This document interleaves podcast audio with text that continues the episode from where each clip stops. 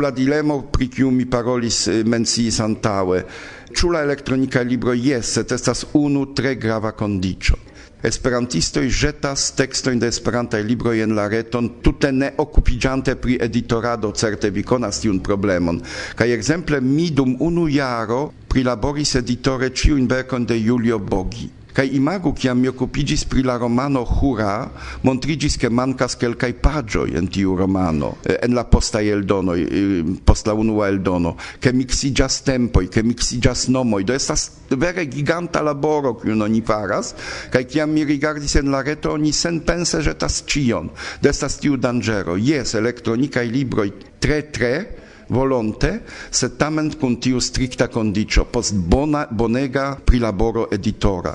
Tio estas malfacila, ĉar oni devas kompari ĉiujn eldonojn, oni devas tre atenti pri la teksto, estas la tuta eh, laborego ciu generale mi ne mi ne auguras la finon de la libro en papera formo, ĉar tiu libro ĉiam daŭros. Ekzemple mi preferas legi, kvankam mi havas legilon por la elektronikaj libro mi preferas legi eh, paperan libron. Ĉu tio estas pli granda plezuro sidi en la fotelo, mm, enspiri la odoron de la freŝe presita libro kun tiu presa farbo, trinki kafon kaj povivere legi en iu momento tute oportune sidante. Tio anstataŭ havos nenio kaj fakte mi preferas ĉar mi ankaŭ estas tiu leganto kiu havas ĉiam apude krajonon ke mi substrekas diversajn novajn vortojn novajn kombinojn do ankaŭ mi lernas. Mi ankaŭ ĉiam legante produktas mian vortaron de Esperanto kaj foje mi estas tre mirigita pri kiel riĉega estas nia lingvo en diversaj kombinoj kaj tiel plu.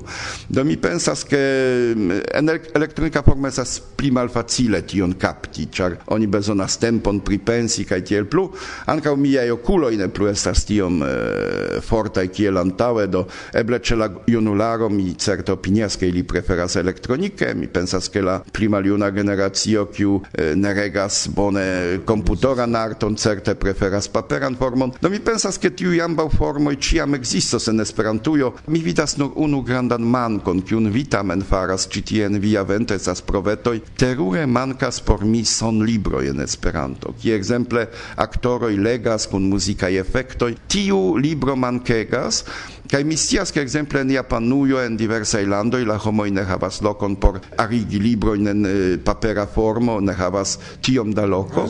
Do jes en ĉmonon, do fakte tre volonte ili veturas longe per aŭtomobiloj, do ĉu ne estus agrable havi tiun sonlibron, aŭskulti ĝin multfoje, samtempe lerni bonegan prononcadon de la aktoroj kaj tiel plu. Mi pensas, ke tio estas estonteco ankaŭ kaj ni devus kompreneble oni produktas tiajn librojn por blindu stuloj estas et ili estas vere en la fermita cirklo en la fermita mercato. Do futuro antaŭ ni unu libron jam ni eldonis eh, estis tiu pli bona espero. Fakte vi tuŝis temon kiu estas aktuala en nia redakcio nuntempe kaj ni prepariĝas prezenti kelkajn aferojn, sed ni revenu al intervjuo kun vi, ĉar vi mencis kvin libroj pri albana literaturo aperis, sed eĉ unu pola ne aperis. Kial?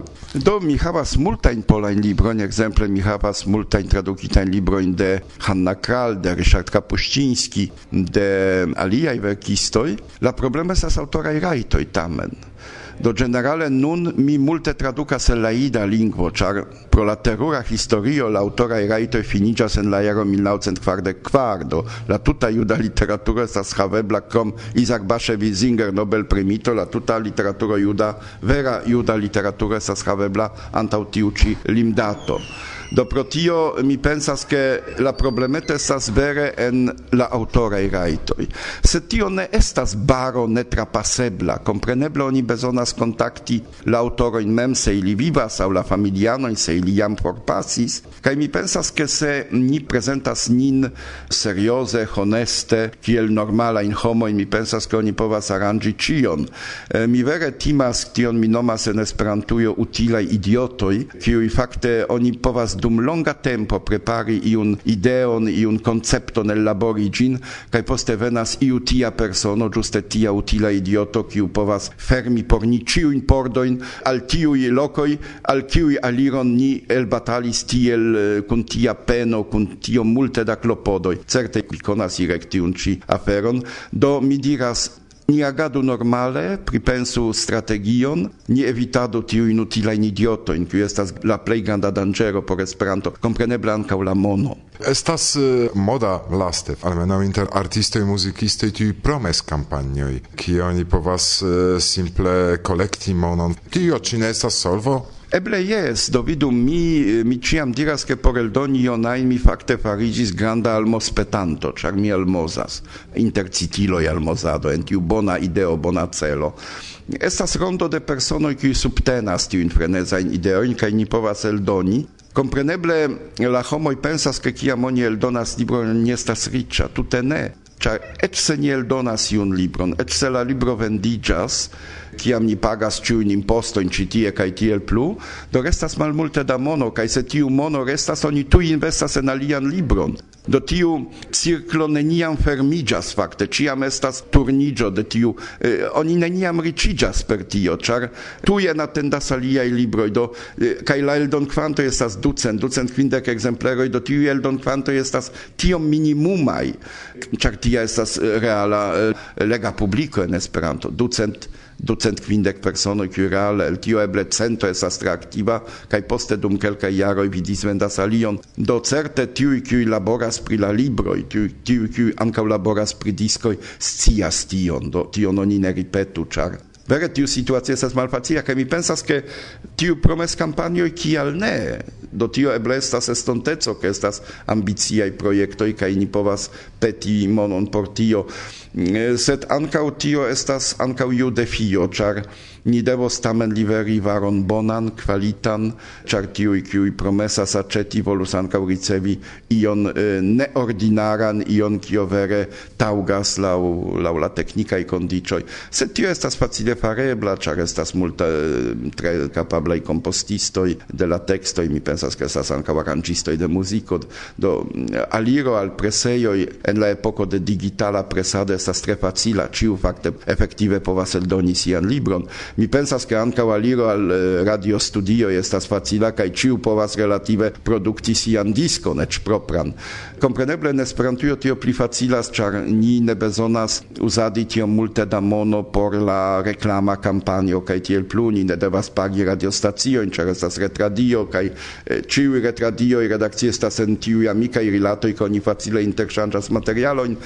Ankaŭ pri la libro merkato eh, es do eble mi ne scias, sed pri la libro libroj estas tiel do ni eldonistoj kunlaboras eh, inter si compreneble ankaŭ ambiciaj kelkfoje i ludas gravan rolon, set mi ĉiam dira se estas ambiciado en bona senso de la vorto, kial ne, ĉar tio ankaŭ kreskas ian konkuradon kai tiam per tia concurado per tia bona creda, mi diru ambiziado multon povas gaini la publiko, kiu ricevas disco in filmo in spettacolo in kai tiel plu. Konanda dankon eh, pro tiu ci mikrofona renkontiĝo kaj eh, gis baldaŭ sur enkrampoj didite ondoj de nia retradio. mm. Mi tre volonte estas je via dispono Irek, ĉar se vi trovas ke um, mi ĉiam diras aperas novaj libroj kaj se vi povus eĉ mencieti pri tio do por ni tio estas grava helpo en nia laboro. Eh, generale mi vidas ke retradio de via vento rimarkas multajn tiajn eventojn kulturajn kaj tiel plu kaj tio estas ege grava, ĉar tio helpas. Do ni povas danki vin kaj peti ancora o plida helpo en, en diskonigado de nia laboro, kiu ne estu anonima, sed vere ni povas fieri pri multaj aferoj.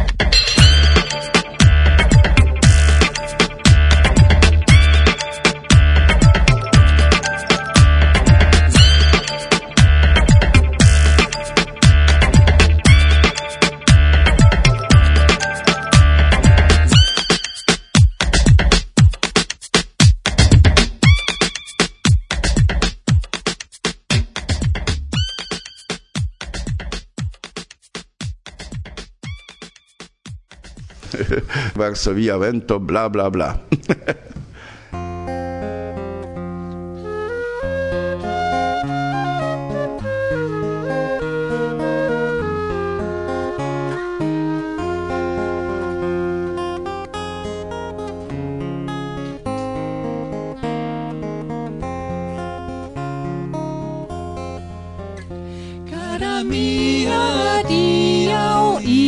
mi for,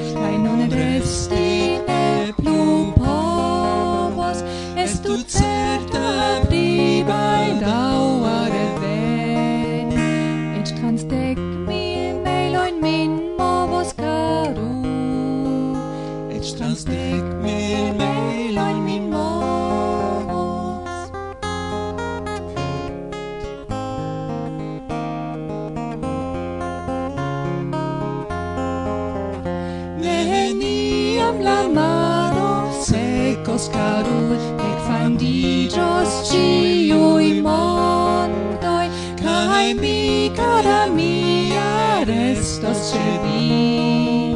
ĝis el cerpo de ciui fontoi karuj ĝis el cerpo de ciui fontoi.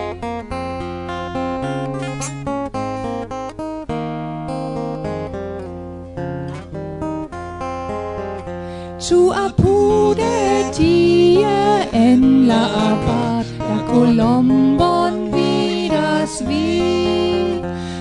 Temas ci pri sia cora a mi, privi same ploros mi,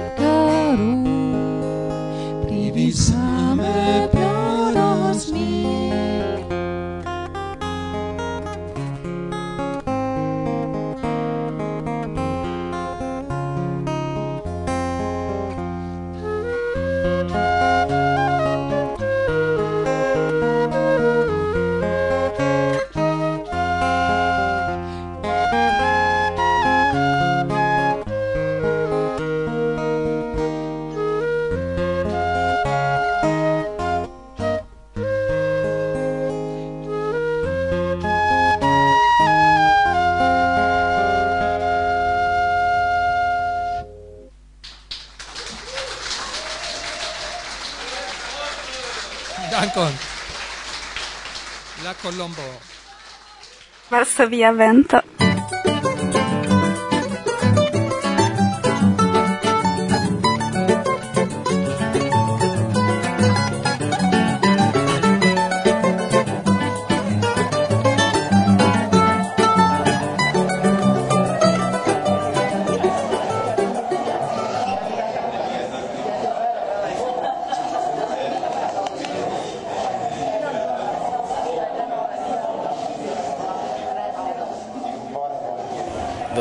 estas Tobiasz, mi havas dek ses jarojn kaj mi venas el Krakovo, el Pollando. Kaj miaj impresoj pri Arkones estas nur pozitivaj simple. Do mi tre ŝatis la prelegojn kaj la diskutojn kaj kompreneble la neformalan parton de la programo. Mi tre ŝatis ekzemple praktiki mian francan lingvon kun francoj kaj aŭskulti diversajn rakontojn de miaj amikoj kaj renkontiĝi kun ili post multe da tempo sen vidi unu la alian. Do tio estas miaj ĉefaj impresoj pri Arcones. Kia plej plaĉis al vi el la programeroj? Plej plaĉis al mi la koncerto de Bertilo kaj Birke kaj kompreneble la kant ateliero de Kaito. Dankon. Dankon bla bla bla. Saluton, mi estas Magda, el Polando, el Krakovo. Preskaŭ ĉiu jare mi partoprenas Eh, nur du eh, mi ne partoprenis eh, en 2000 kaj lastjare mi ne partoprenis. Oni povas aŭskulti multajn interesajn prelegojn de bonegaj esperantistoj, diversaj temoj estas priktraktataj kaj mi pensas ke ĉiuj koncertoj ankaŭ estas ege ege interesaj. Mi salutas ciuin esperantistoj, venu, venu al Arcones, tio tre, tre valoras. tio, che mi estas eh, kontribuanto, tio iom influas, ĉar eh, ĉifoje mi ne cantis sed mi kun eh, Sasha Pilipović el Serbio presentis teatraĵon. Vi imagas Serbio, Pollando, distanco inter du aktoroj, kiu preparas spektaklon, ĉifoje estas mil kilometroj. Tio signifas, ke ni ne povas facile postagmeze renkontiĝi kaj fari provojn. Kutime oni bezonas kvardek provojn por prepari spektaklon kaj post iu pauzo unu monata en teatro oni faras du tri foje prov spektaklon. En Esperanta teatro estas sama do la unuan tagon tutan ni dediĉis por ekzercado por rememori la tutan spektaklon ĉar lastan fojon ni ludis antaŭ kelkaj monatoj en Orieka.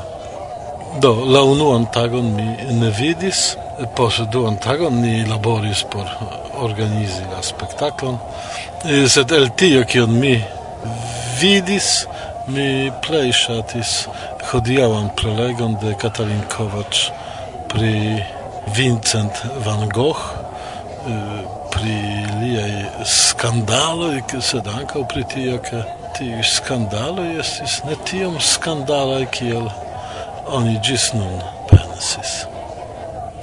Mi estas Georgo Hanslik el Pollando. La plej ŝatata parto estis eble la koncerta, la muzika parto, ĉar estis tre bonaj, tre bonvalitaj kaj tre ĝuindaj.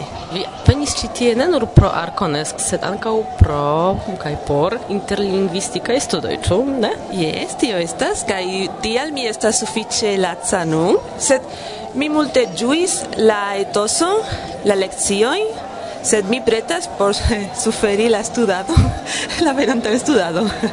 Gis nuna via plej ŝatata temo dum eh, tiuj studoj estas? Mm, mi ne certas, eble fonetiko. Estas fako kiu mi tute ne konas. Nu, mi tute ne konas ankaŭ ne interlingvistiko, sed jes fonetiko mi ŝatis. Do, pro tio, ke tio estas elsendoj de Varsovia Vento, vi rajtas eh, saluti la tutan mondon, esperantistoj, kion ajn vi ŝatus. Un saludo a todo lo esperantica del mundo, saluton a ĉiuj esperantistoj de la mondo, kiu aŭskultas Varsovia Vento. Fátima, el Hispanio. Bla bla bla.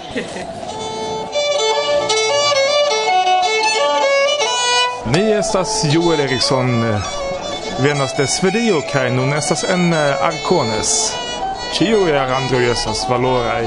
Do, mi pensas ke ju pli da aranĝoj estas, des pli riĉa estas Esperanto, ĉu ne? Ĉar eh, ĉiu uh, donas alia speco al Esperanto, alia sento.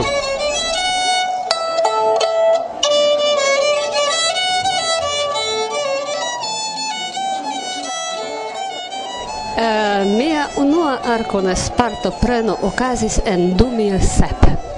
Kaj jam tiam kun granda sukceso mi donis mian unuan koncerton kiel debutanto de Arkones. Mi varme proponas kaj konsilas al ĉiuj, ke venu al Arkones, ĝuu la kulturajn programojn, la etoson de Arkones. En 2001 estis la teatraĵo de Georgo Hanslik kaj Sasha pri la farsoj eh, dum universalaj kongresoj. Dum la sekva estis tiu percutisto, kiu donis bonegan travivaĵon por ni ĉiuj per tiu arto, kiun li reprezentas. Ciu placis al mi. Mi ne povas eĉ unu elekti, ĉar ciu estis bonega, kiun mi povis partopreni. Mi salutas vin ciuin el core, auscultu ankaŭ Varsovian venton, char en Varsovia vento estas multa raraĵoj culturai, kiuin vi devas coni. Mi estas Anjo Amika, gis la reaudo.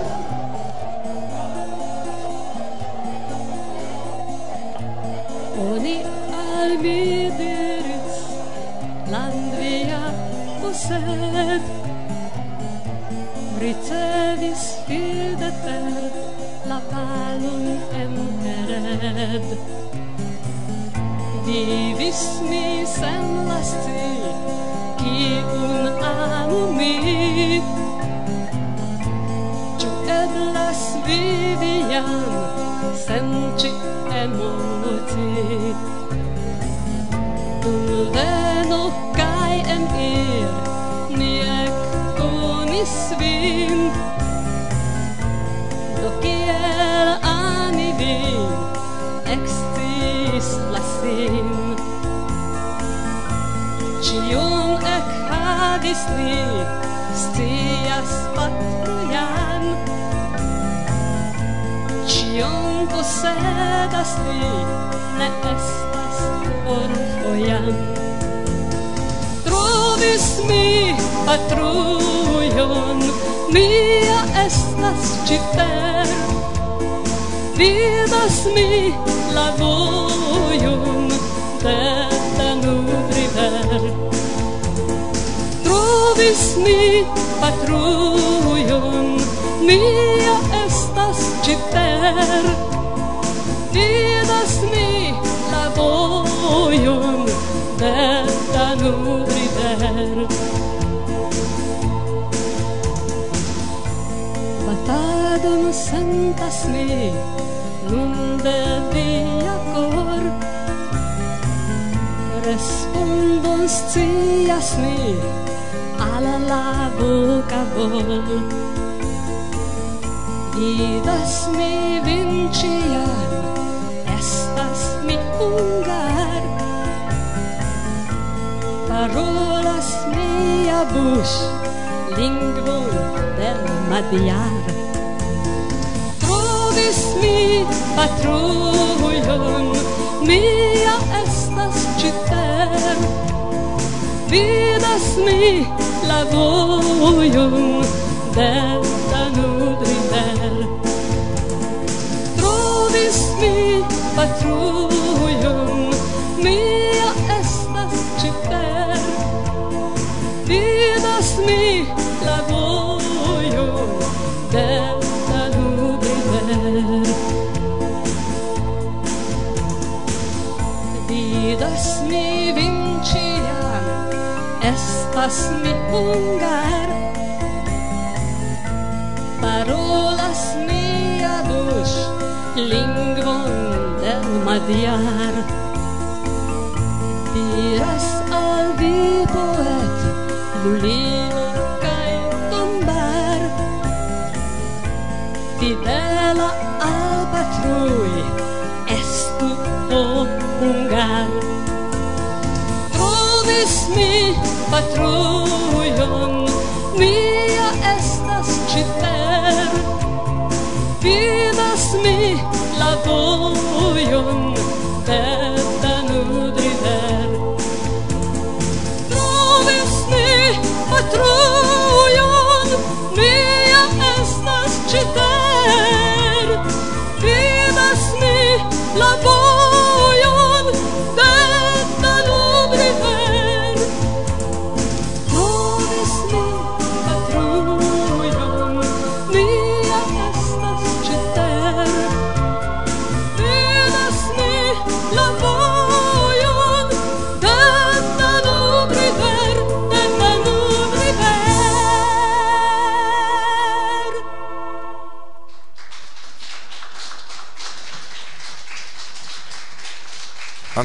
tre extraordinara mi diru, gasto el eh, Japanio. Uh, saluton, mi nomiĝas Okuaki Toshiomi, mi venis eh, de Japanio. Mi laboras en Omoto Centro de la urbo Kameoka, Japanio. Mi eh, partoprenis en ĉi tiu Arcones por prezenti artan akribadon de Omoto. Kio estas interesa en arta kripado? Do sinsekvaj gvidantoj de Omoto estas artistoj ili eh, estas ne nur artistoj, sed ankaŭ ili instigis eh, la ordinarajn kredantojn de omoto ekzerci artaj aktivadoj. Cifoje mi kunportis eh, kelkajn artaĵojn de sinsekvaj gvidantoj kaj fine de prelego prezentado mi kun alia virino prezentis nian nodramon kiun ni kutime エクゼルサス。サルトンミエスタサトミシバ花萌えるや。杯の。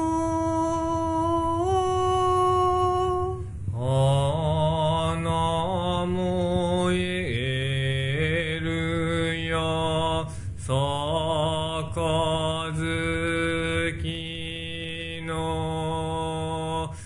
mi ne estas spertulo pri la japana kulturo, sed kiam mi rimarkis vin eh, en eh, tiu tradicia uniformo, mi pensis tuj shogun venis, ĉu ne?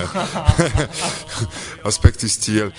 Tio estas uh, tradicia uniformo o japana, kamishimo. En Japanio, el tradicia japana vestaĵoj multaj kimonoj troviĝas, kiel vi scias. Kaj kamishimo estas la plej por speciala okazo, ekzemple por gratuli um, novan jaron kaj tiel plu. Do, ĉiuokaze, nur en speciala okazo o, ni eh, surmetas kamismo. Do, tiu vestaĵo estas ege speciala. Kial vi lernis Esperanton? Ah, uh, mi fakte provis eh, ankaŭ la anglan. Pro tio, rekomendite de iu omotanino, mi eklernis Esperanton.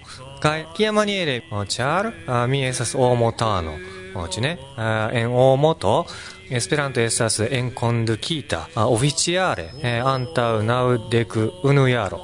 Do, se oni estas omotano, nature konatiĝos kun Esperanto. Ĉu vi eh, rilatas kun la mondo, korespondas, se jes pri kio, ĉu nur pri religio, moto aŭ eh, ankaŭ pri ordinaraj aferoj?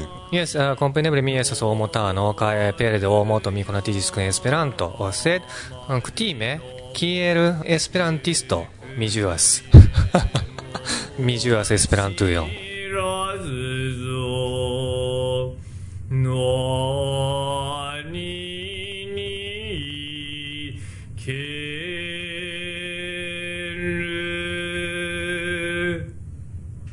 temas la kanto? Ni cantis uh, el raconto Seobo. La raconto uh, devenas de China legendo. Kai oni dire en China legendo Seobo di ino donazos la persicon kiu productijos uh, unu foje en trimil jarojn. Do uh, ni presentis la scenon ke eh, di ino Seobo donatos eh, la perusico. kai cielen iras. Do uh, non tempe vi raitas saluti viajn geamikojn en la tuta mondo. Uh -huh. Saluton, mi estas en Porlando, eh, naskiĝi lando de Esperanto. Mi unuafoje vizitas ĉi tiun landon kaj partopreninte en uh, Arkones uh, mi ĝuas Esperantujon. No fartu bone ĉiuj. Mm.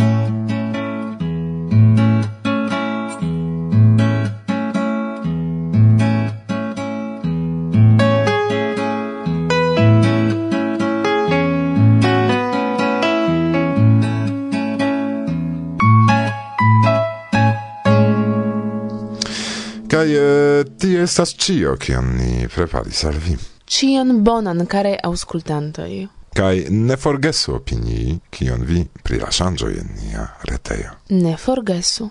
El eh, provizora studio de Varsovio Vento adiaŭas vin nome de la tuta redakcio. Martusia. Kaj mi, Irek. Ĝis eh, baldaŭa. Reaŭdo. Cis.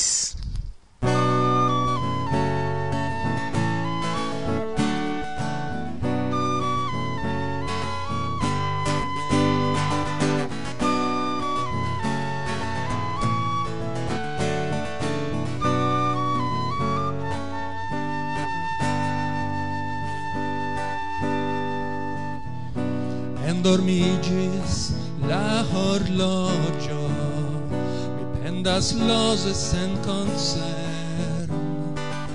Storm pelis min tre malproksimen sur la mar la maro del l'eter donu al mi ci paradis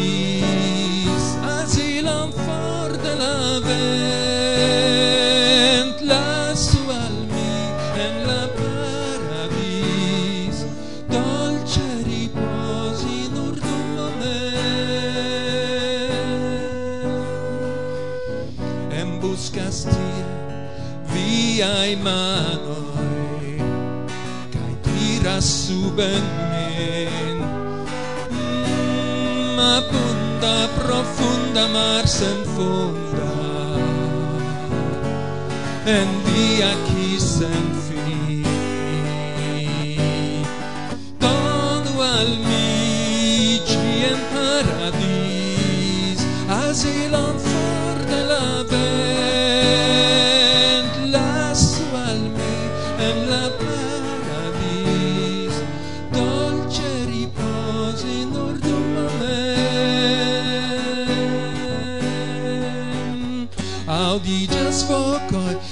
far en ciu locoi, e brulas fairo sur la strand.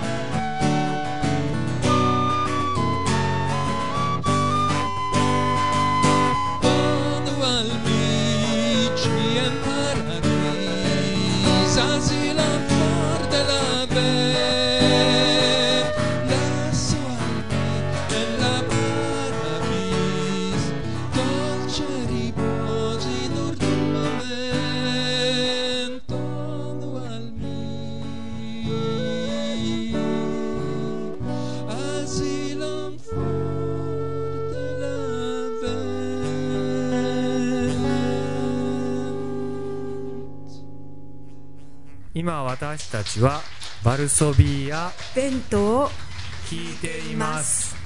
Bla bla bla.